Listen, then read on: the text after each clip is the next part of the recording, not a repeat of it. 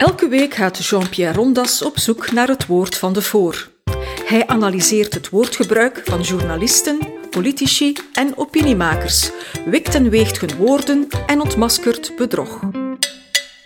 Beste luisteraar, dit wordt een extra lange feestaflevering in Rondas Woorden van de Voor. En ik wil het hebben over een woke familiedrama bij de Balthazars. Een drama in de socialistische familie Balthazar.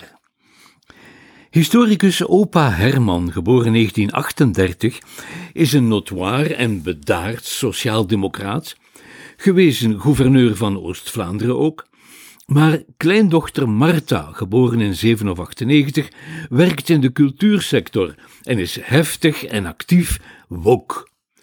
Nu wil het geval dat socialisme en wokeness weliswaar beide voor gelijkheid gaan en staan, maar ook voor tegengestelde analyses, diagnoses en acties. Een tijdje geleden moet het in de familie Balthazar tot een flinke politieke woordenwisseling tussen de historicus en de activisten zijn gekomen. Een discussie die laatstgenoemde onbevredigd achterliet, want zij besloot haar eigen argumentatie nog eens publiek over te doen op de webstack van het sociaal-kritische maandblad Sampol, dat nota bene 27 jaar geleden door opa Herman Balthazar werd gesticht.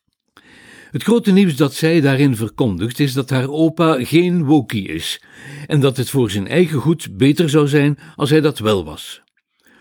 Wat nu exact de aanleiding was tot het uitspreken en later publiceren van hun intrafamiliaal meningsverschil, en ook over welke specifieke woke- en sociaaldemocratische ideeën er werd gedebatteerd, dat blijft in haar tekst in het duister.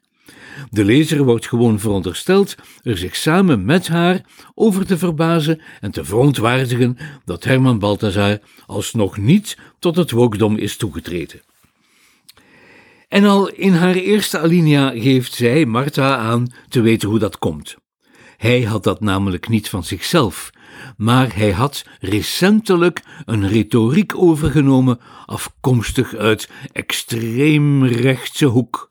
Ze vermeldt geen bronnen, ze zegt niet welke booswicht opa naar de verkeerde kant heeft overgehaald, of erger, welk slecht boek hij zou hebben gelezen.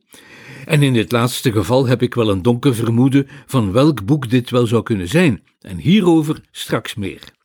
Want niet alleen opa's ideeën waren door rechts vergiftigd, ook zijn defensieve houding tegenover Wok en zijn vreemde vijandbeeld ervan waren, ik citeer, gevoed en later geïnstrumentaliseerd door behoudsgezind rechts. Zijn gevoelens, schrijft ze, zijn niet helemaal van hem. Opa is er niet verantwoordelijk voor. Niet dat ze hem als een kindse ouderling beschouwt, verre van, alleen opa heeft zich tendentieus laten voorlichten. Haar, ik citeer, lieve, slimme grootvader heeft dezelfde vijand gekozen als Donald Trump en Tom van Grieken. Net als deze illustere extreemrechtsen heeft hij, Herman, van Wook een vijand gemaakt. Wie niet van woke houdt, loopt gevaar extreem rechts te worden.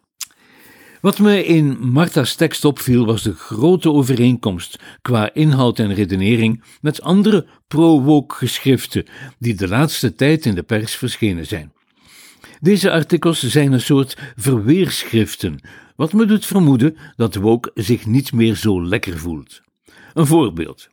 Eind september 2021 heeft rector Lux Sels van de KU Leuven het gewaagd om in zijn reden bij de opening van het nieuwe academiejaar enkele vraagtekens te stellen bij de verhouding tussen woke en academische vrijheid.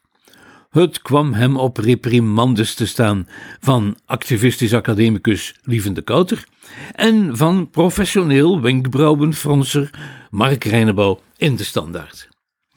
En hetzelfde overkwam minister van Samenleven Bart Somers met een opiniestuk in de Standaard van 20 december 2021 over, ik citeer, de woke-filosofie die het samenleven onmogelijk maakt en over de vrijheid om van mening te verschillen die door woke onder druk komt te staan. En, zie daar, twee dagen later schreef alweer Mark Reinebouw zijn strafblad tegen Somers onder de titel In zijn kritiek op Woke kiest Bart Somers voor de morele verhevenheid, waarmee hij morele eigendunk of zelfingenomenheid moet bedoelen. De dag daarop was het in diezelfde krant de beurt aan Jeff Verschuren, die Reinebouw nog wat kracht bijzette en er zich over beklaagde dat conservatief rechts erin geslaagd was om woke te herdefiniëren als een uiting van intolerante moralisering. En Somers zou dit, net als Herman Balthazar, klakkeloos hebben overgenomen. En dan zijn er die vernietigende stukken over Woke van de hand van Mia Doornaert, die het hele afgelopen jaar 2021 door daarover heeft geschreven, en die stukken provoceerden onder meer een hoofdartikel van Bert Bultink in Knak en een commentaar van Vincent Stuur in de Morgen. Bultink had een speciale journalistieke insteek. En hij zei: Goed dat Woker is om over te schrijven, want hoe komt de barones anders de lange winteravonden door?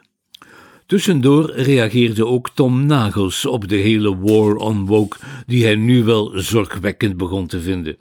In zijn tekst doet hij niet veel meer dan woke bagatelliseren. Mijn voorlopige conclusie: de pers staat achter woke om de eenvoudige reden dat ze in de wokie-generatie een nieuw, vernieuwend en vooral krantenlezend publiek ziet. Niet dat Marta Balthazar uit al deze goedpraterij van woke in de gazette zou afgeschreven hebben, maar de argumentaties zijn wel gelijklopend. Eerdere versies van zulke redeneringen zijn altijd te vinden in De Wereld Morgen en op de webstack van de PvdA. De formuleringen zijn vaak ook dezelfde. Maar nogmaals, plagiaat lijkt het me niet te noemen. Het is erger dan dat, want het gaat om een sfeertje dat gedachteloos wordt opgesnoven en even lichtvaardig wordt gereproduceerd, en dus niet alleen door Martha. In haar stuk over opa deelt ze ons mee dat woke als verzamelwoord bij het lezend publiek pas populair is geworden toen rechtse en extreemrechtse opiniemakers zich ermee gingen bemoeien en het woord pejoratief begonnen te gebruiken.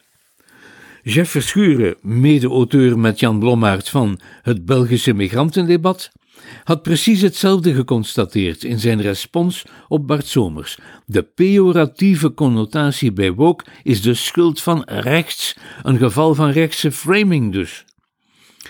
De rechtse bedoeling is om woke als instrument te gebruiken om linkse mensen in discrediet te brengen, schrijft Marta. Het is rechts dat een ideologische vijand heeft gecreëerd, niet woke, schrijven Reinebouw en Tom Nagels. Deze nieuwe breuklijn wordt door al deze auteurs gezien als een conservatieve cultuuroorlog. Maar hoe moet de naïeve krantenlezer het geweld van deze intentieprocessen nu interpreteren? Waar komt dat allemaal vandaan? Wel, veel wordt deze onschuldige krantenschuiver duidelijk als hij in het oog houdt dat het in alle bovenstaande gevallen om verweerschriften gaat, om de eenvoudige reden dat Woke in discrediet wordt gebracht door zijn eigen excessen, en dat weten we allemaal. Daarover ontstaat dan enige gêne. Van die excessen staan de sociale media bol en de kranten moeten willens nillens volgen. Overal wordt wel iemand gecanceld, dat wil zeggen gebroodroofd.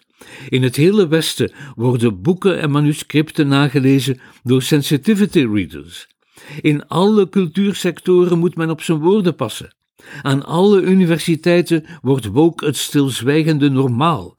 En in alle gezinnen luisteren kinderen en kleinkinderen aandachtig mee naar wat volwassenen nog menen te mogen zeggen, want op school hebben ze geleerd op te letten voor wat thuis gebeurt.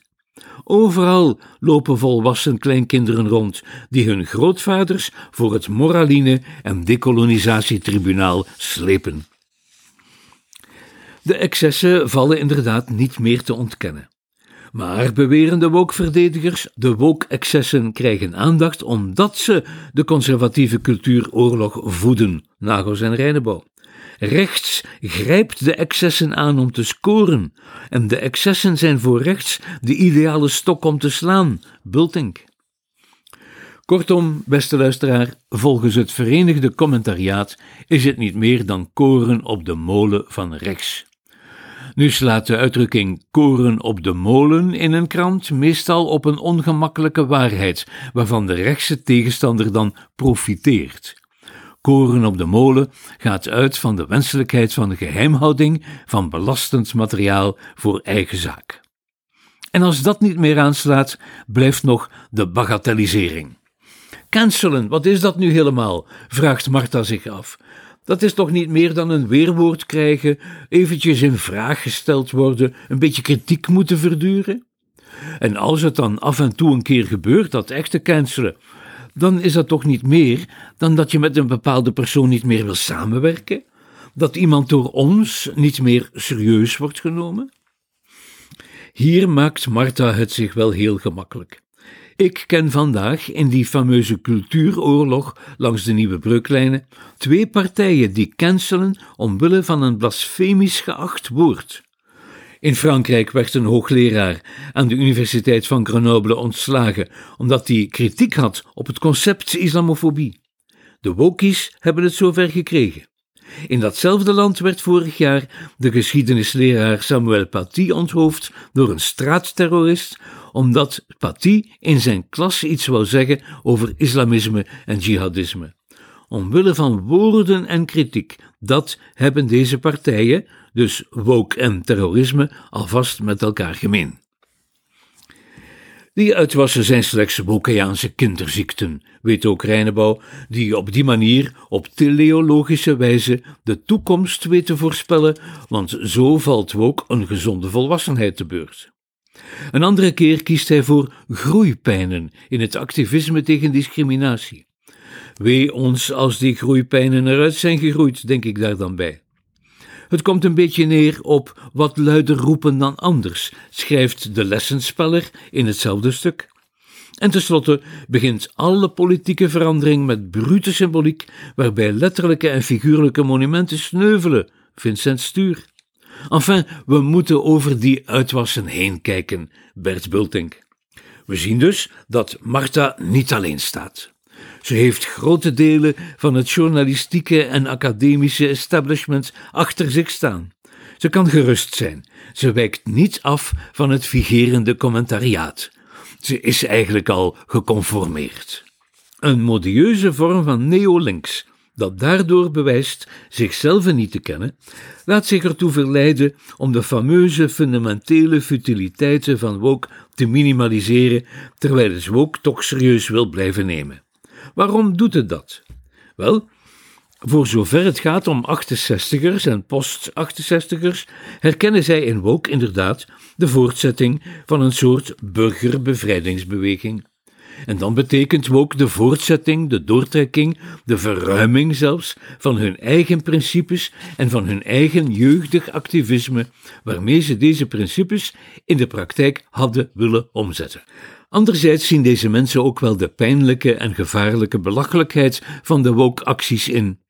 Het gaat om niet minder dan zuiveringen, en wie dit niet wil inzien, zou wel eens raar op zijn neus kunnen kijken. Deze nieuwe linksen houden geen halt voor oude linksen, zoals dus niet alleen Herman Balthazar, maar zelfs David van Rijbroek heeft mogen ervaren. Het houdt ook niet op. Eén straatnaam ombenoemen is niet voldoende.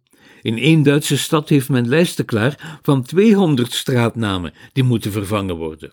Eén academicus cancelen is maar een begin.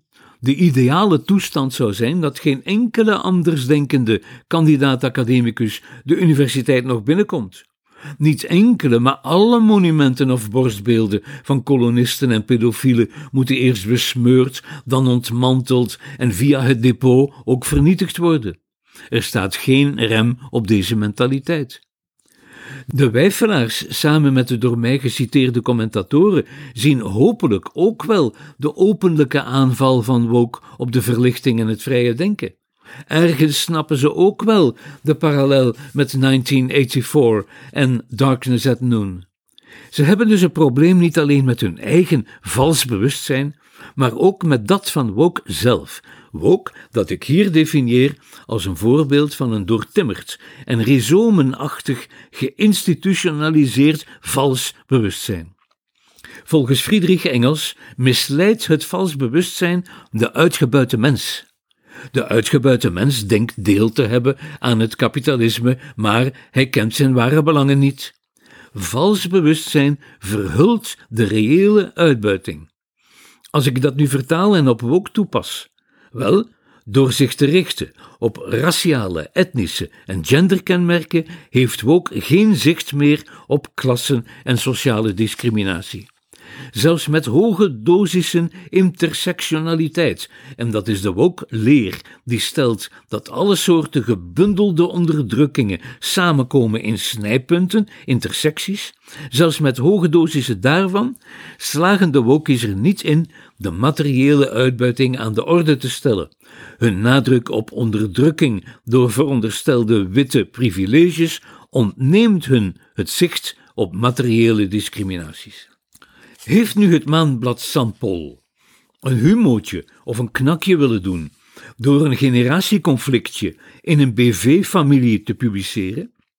Zo kan je het zeker zien als een generatieconflict tussen progressieven, waarbij, de familieband even buiten beschouwing gelaten, de naam progressief het enige is wat hen bindt. Over de inhoud van deze progressiviteit, alsmede over de richting van de vector vooruit, zijn ze het grondig oneens. De oudere generatie had het debakkelen van links namelijk al lang geleden geconstateerd. In 2012 organiseerde Sampol een interessant interview met haar stichter Herman Balthazar. Als ik het goed heb, bij zijn afscheid uit de raad van bestuur van dit tijdschrift, waarin hij dan op zijn gekende synthetische wijze zijn bevindingen op tafel legde en interpreteerde. En toen al kwam hij als historicus dicht bij de analyses die zijn partijgenoot Mark Elgardus als socioloog vanaf de zogenaamde Zwarte Zondag had gemaakt. Analyses die Elgardus onlangs heeft afgerond en toegespitst in zijn studie Reset, hier op doorbraak, uitvoerig besproken. Welnu, op deze supersynthese van Elgardus heeft Sampol geen enkel ernstig antwoord weten te verzinnen. Eerst liet het maanblad de klassieke sociaaldemocraat Pa Bak aan het woord. Elgardus encanailleerde zich met extreemrechts. Dan mochten de zogenaamde wetenschappelijke marxisten met Jelle Versieren op kop hun zeg komen doen. Elgardus encanailleerde zich met extreemrechts. En tenslotte mocht Woki Marta Balthazar komen vertellen dat Herman Balthazar zich buiten zijn bewustzijn om encanailleert met extreemrechts. Blijkbaar ziet ook Sampol een jeugdig en vers lezend publiek opdoemen. Maar laat me raden, zou dan toch Reset van Elgardus de splijtstof hebben geleverd die aanleiding heeft gegeven tot Martha's hartekreet? Interessante hypothese, al zeg ik het zelf. Maar Herman Balthazar heeft gelukkig geantwoord. Niet in de vorm van een stuk over zijn kleindochter zoals zij deed over haar opa, maar als open brief aan haar gericht. De oude Balthazar kent zijn wereld. Eveneens op de webstack van Sample. Omdat de decolonisatie naast gender en ras een grote preoccupatie voor Woke blijkt te zijn, grijpt hij in zijn reactie terug op zijn cursussen die hij aan de Rijksuniversiteit toen Gent doseerde. Inderdaad kwamen daar op het departement geschiedenis en daarbuiten kolonisatie en dekolonisatie uitvoerig ter sprake. Maar het zou kunnen dat wokies, zoals Marta, voor Hermans relaas van een verexcuserend verleden gewoon geen oor hebben. In ruil daarvoor komt hij in zijn besluit grondig ter zake en verwijt hij de woke-beweging haar morele, ideologische en totalitaire manier van redeneren waarbij hij er nog aan toevoegt dat deze woke gretig misbruikt wordt in extreemrechtse hoek en dan afsluitend de hamvraag stelt: wie drijft hier wie binnen in die zwarte hoek, Martha? Het antwoord is: zij dus.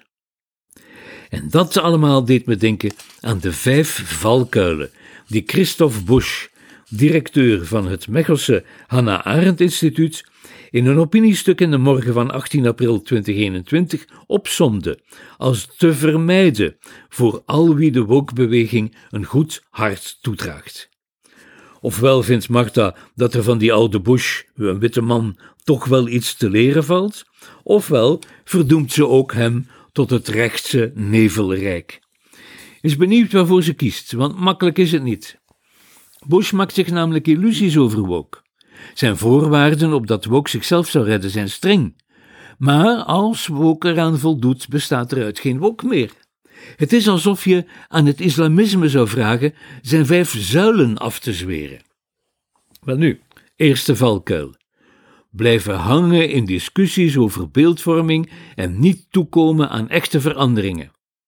Maar, beste Bush, vergeet het, want woke gaat over beeldvormingen, omdat het echt meent dat je door beelden te veranderen ook de realiteit verandert. Kijk naar de monumenten. Voor woke vallen realiteit en beeldvorming samen. Deze valkuil kan woke alvast niet vermijden, anders is het zichzelf niet meer. Tweede valkuil. Het essentialisme over de witte man. Maar, beste Martha, jij weet ook best dat de witte man voor woke nu eenmaal de geviseerde patriarch en paternalist is. Neem dat aan woke af en woke valt ineen als een rulle pudding. Derde valkuil. Het absolute slachtofferschap. Maar woke is nu eenmaal een vereniging van vermeende slachtoffers. Zonder slachtofferschap en victimisatie kan woke niet bestaan. Vierde valkuil van Christophe Bush. Het vermoeden van onschuld schrappen en vervangen door vermoeden van schuld als bewijskrachtig. Maar zonder schandpaalactivisme komt woke gewoon niet in de krant een krant die zelf pas in actie schiet als er kan geschandpaald worden. Deze toeter opgeven, dat kan je van Woke niet vragen. En vijfde en laatste valkuil, censureren en cancelen, volgens Christophe Bush. Maar niet alleen beoefent Woke deze kunst van het cancelen in het hele vrije Westen, cancelen is een van Woke's geprefereerde wapens. Woke en cancelen vallen bijna samen, dus ook hier geldt dat zonder canceling woke zichzelf cancelt. Jammer, maar door deze vijf valkuilen te willen vermijden, vernietigt woke zichzelf. En als het toch in deze valkuilen wil vallen, is het overmorgen begraven onder de dichtslibbende modder die het zelf heeft veroorzaakt. Gedoemd als het dat doet en gedoemd als het dat niet doet. Martha, stop ermee. Begin alvast met opa met rust te laten. Het heeft ten eerste geen zin om te proberen hem van zijn stuk te brengen, en ten tweede heeft hij gelijk. Richt je boosheid ergens anders op. Het zal hier uiteindelijk toch een vorm van laïcistische sociaaldemocratie in soevereine staten of regio's in Europa moeten worden. En het wordt hoog tijd dat ook jij en je generatie zich daartoe bekennen en meehelpen de modaliteiten daarvan uit te tekenen. Trouwens, een voorspoedig nieuwjaar aan alle tegenstanders en medestanders toegewenst. Dit was een episode van Doorbraak Radio, de podcast van doorbraak.be. Volg onze podcast op doorbraak.be/slash radio of via Apple Podcasts, Overcast of Spotify. Bezoek ook onze website op doorbraak.be en steun ons door een vriend te worden van Doorbraak.